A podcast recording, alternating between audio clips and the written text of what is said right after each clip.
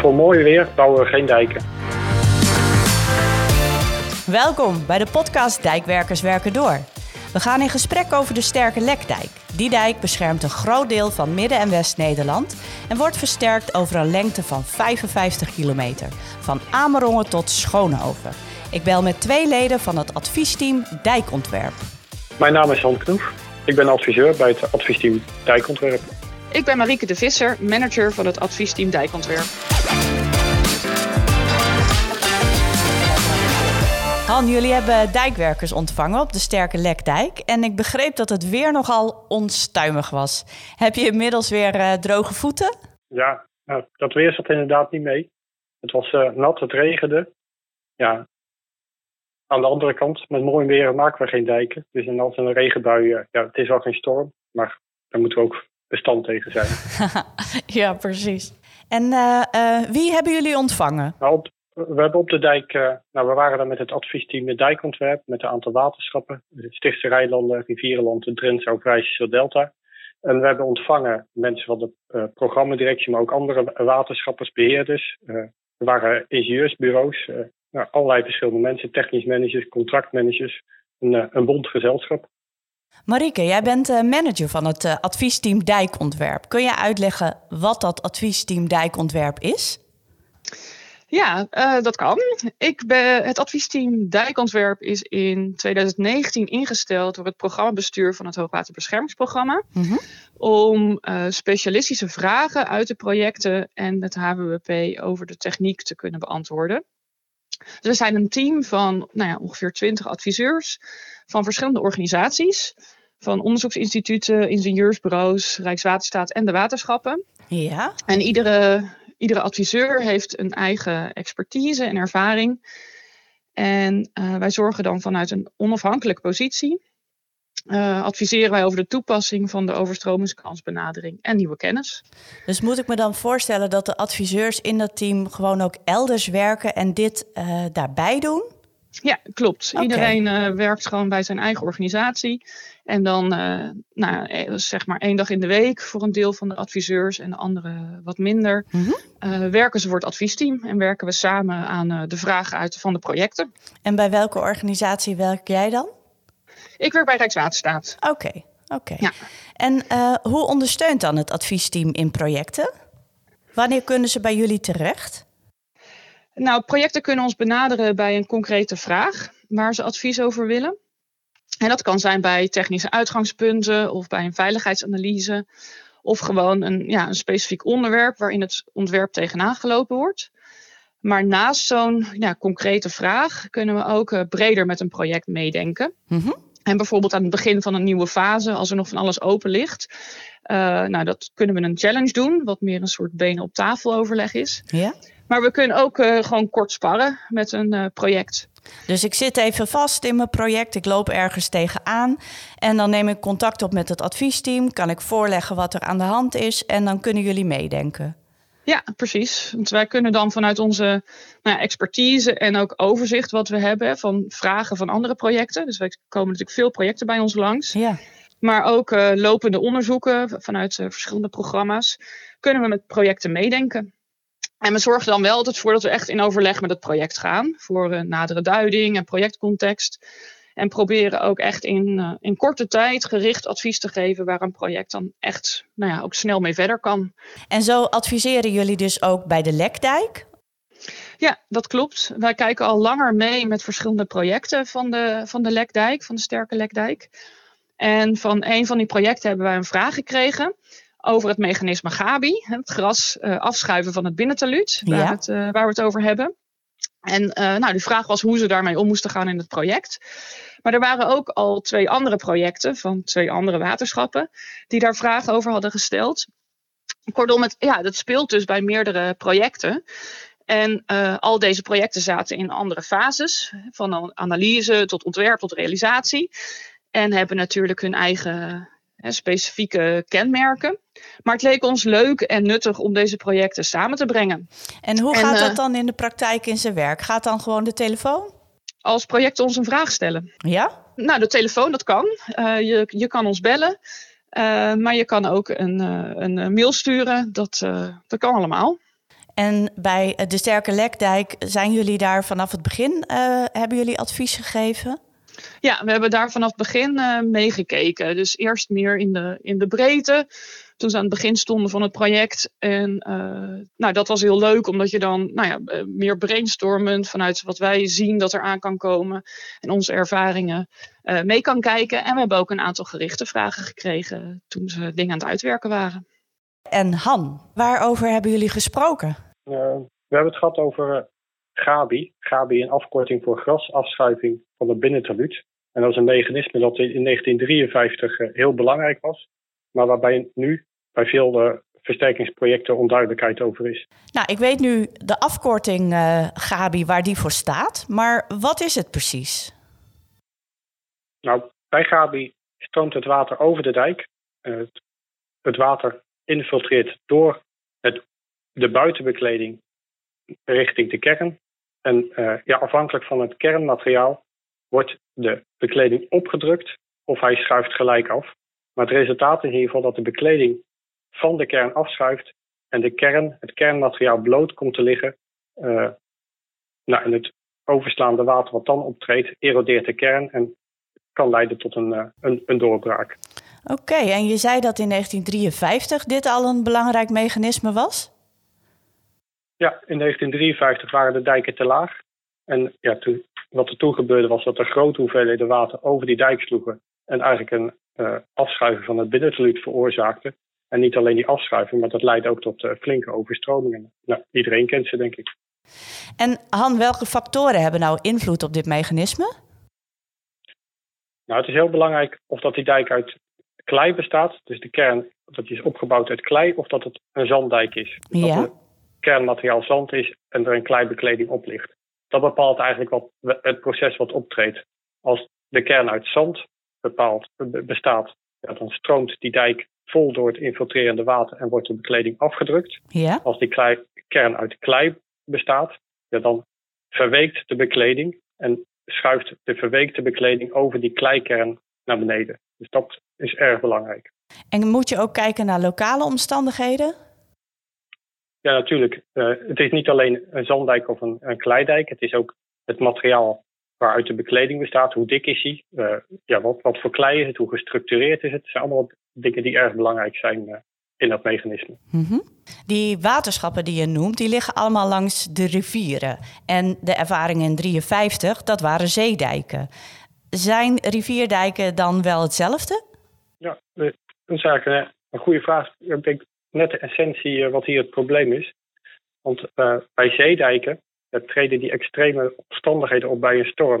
En dan heb je hele grote golven, met, uh, waardoor er met een, ja, een groot volume, met veel kracht water over de dijk heen slaat. Mm -hmm. En de, ja, die belasting zorgt voor erosie van het binnenteluut. En om dat te voorkomen, moet die dijk weer omhoog. En als die dijk omhoog is, heb je eigenlijk geen last van, van Gabi. Dus die zeedijken die, die moeten bestand zijn tegen veel meer kracht. Ja, dus slaat gewoon uh, veel meer water met grote hoeveelheden overheen met golven. En dat heb je bij rivierdijken eigenlijk niet. Want bij rivierdijken wordt de belasting veroorzaakt door hoge afvoeren, dus die bij een Lobit en bij Bulgaren het land in, instromen. Mm -hmm. En ja, die hoge afvoeren gaan niet altijd gepaard met veel wind. En dan als er water over de dijk heen stroomt, dan is het niet heen. Dan is het geen water dit overheen slaat, maar dat is meer een continu debiet wat er overheen stroomt. En dat is niet zo erg, dat is geen probleem. Nee, recente inzichten hebben juist laten zien dat uh, ja, die grasbekleding daar wat tegenaan kan. Dus je kan veel meer water overheen, over de dijk heen laten stromen. Alleen dan wordt Gabi een probleem. En dat was, ja, is bij die uh, rivierdijken uh, ja, het issue. Okay, ter illustratie, in, in 1953, toen, dat waren zeedijken, dijken die ja, wat zandig materiaal hadden, maar toch behoorlijk wat klei. En nou, daar, daar had je dus die afschuivingen. En de reactie daarop was van ja, dat willen we niet meer. Uh, we willen niet dat die dijken op die manier kapot gaan. En we zorgen gewoon dat de dijken hoog genoeg zijn. Uh, en dat er eigenlijk gewoon geen water overheen kan stromen. En dan kan dat mechanisme niet optreden. En als het dan uh, op zou kunnen treden, maken we ook nog iets flauwer. en op die manier hebben we eigenlijk het probleem weggeëngineerd. We hebben gezorgd dat het probleem niet meer bestond. Door alle dijken hoog genoeg te maken en door taluten ook wat flauwer te laten zijn. Ja, exact. Door het, de, de, dijk hoog genoeg uh, te maken, ja, dan stroomt er geen water overheen en kan die bekleding ook niet afstruiven. Maar dat Gabi-mechanisme is dus niet verder daardoor onderzocht? Nee, dus uh, het probleem is weggeënergideerd, uh, waardoor het ook niet no nodig was om het probleem verder te, te bekijken. Mm -hmm. Dus ook de rekenregels, ja, die, die, zijn dus ja, toch wat achtergebleven met, met, bij de regels van andere mechanismen. Oké, okay, en nu? Nou, dat was precies ook de vraag waarbij uh, uh, ja, Stichtse Rijnlanden zat bij, met een versterkingsproject. Hebben we een probleem of hebben we geen probleem? Met de, met de rekenregels rekenen we een probleem uit. Maar is het wel daadwerkelijk een probleem? Ja, zijn die rekenregels wel goed? Beschrijven, dit, uh, beschrijven die goed de, de situatie? nou, dat was ook de vraag waarmee HDSR bij het adviesteam kwam. Voor de sterke lekdijk? Ja, voor de sterke lekdijk kwamen ze met die vraag. Uh, nou, het probleem speelde ook bij andere waterschappen. Mm -hmm. Alleen die hadden weer andere vragen. Dus uh, het uh, Drentse Delta, ja, die hadden een zanddijk en die was het veiligheidsprobleem was evident. En die kwamen van, ja, hoe lossen we het dan op? Want ja, hoe passen die rekenregels op het ontwerp? En hoe hebben jullie die vraag voor de sterke lekdijk, hoe hebben jullie die opgepakt? Nou, met de sterke lekdijk zelf zijn we met het project in gesprek gegaan. we hebben een, een dwarsdoorsnede genomen en we hebben met elkaar gekeken van hoe leidt nou het mechanisme Gabi tot een doorbraak? Welke stappen moeten, welke mechanismen moeten achtereenvolgens allemaal optreden, zodat je daadwerkelijk een doorbraak hebt? En is dat ook voorstelbaar? Mm -hmm. en, ja, en daaruit bleek dat er al voor een heleboel locaties dat al zou die bekleding er afschuiven, dan ligt er nog een heel kern van klei. Ja, ja. En het is dan niet voorspelbaar dat die hele kleibekleding weg erodeert, dat die weg die erop ligt, dat, dat, dat het allemaal meegaat en dat er leidt tot een overstroming. En wat was dan jullie advies? Nou, het advies was om eerst weer naar de hele dijk te kijken. Als er een ander probleem is, dus als je al een pijpingprobleem of een macrostabiliteitsprobleem hebt, dan is het veel makkelijker om eigenlijk Gabi in het ontwerp op te lossen. Dus Mhm. eigenlijk net zoals we in 1953 deden.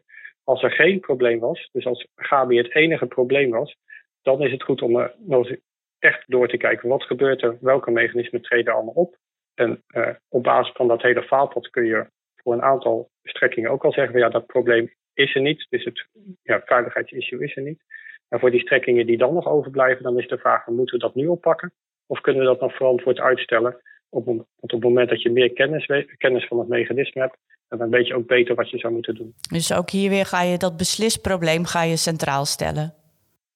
Ja, we zetten het beslisprobleem. Wat, ja, wat ligt voor? In dit geval het veiligheidsissue. Bij Trends Overijssel Delta was het een ontwerpvraagstuk. En dan, ja, dan kijk je weer net iets anders.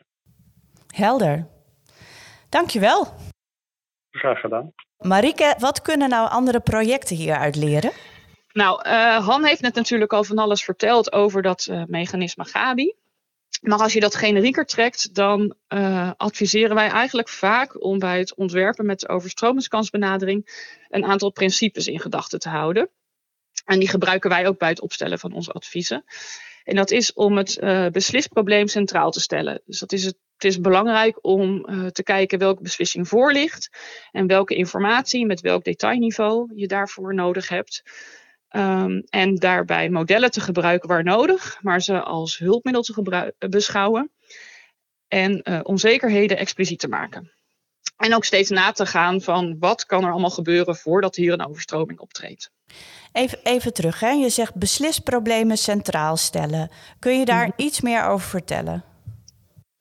Ja, daarmee bedoel ik dat um, in een project heb je verschillende fases.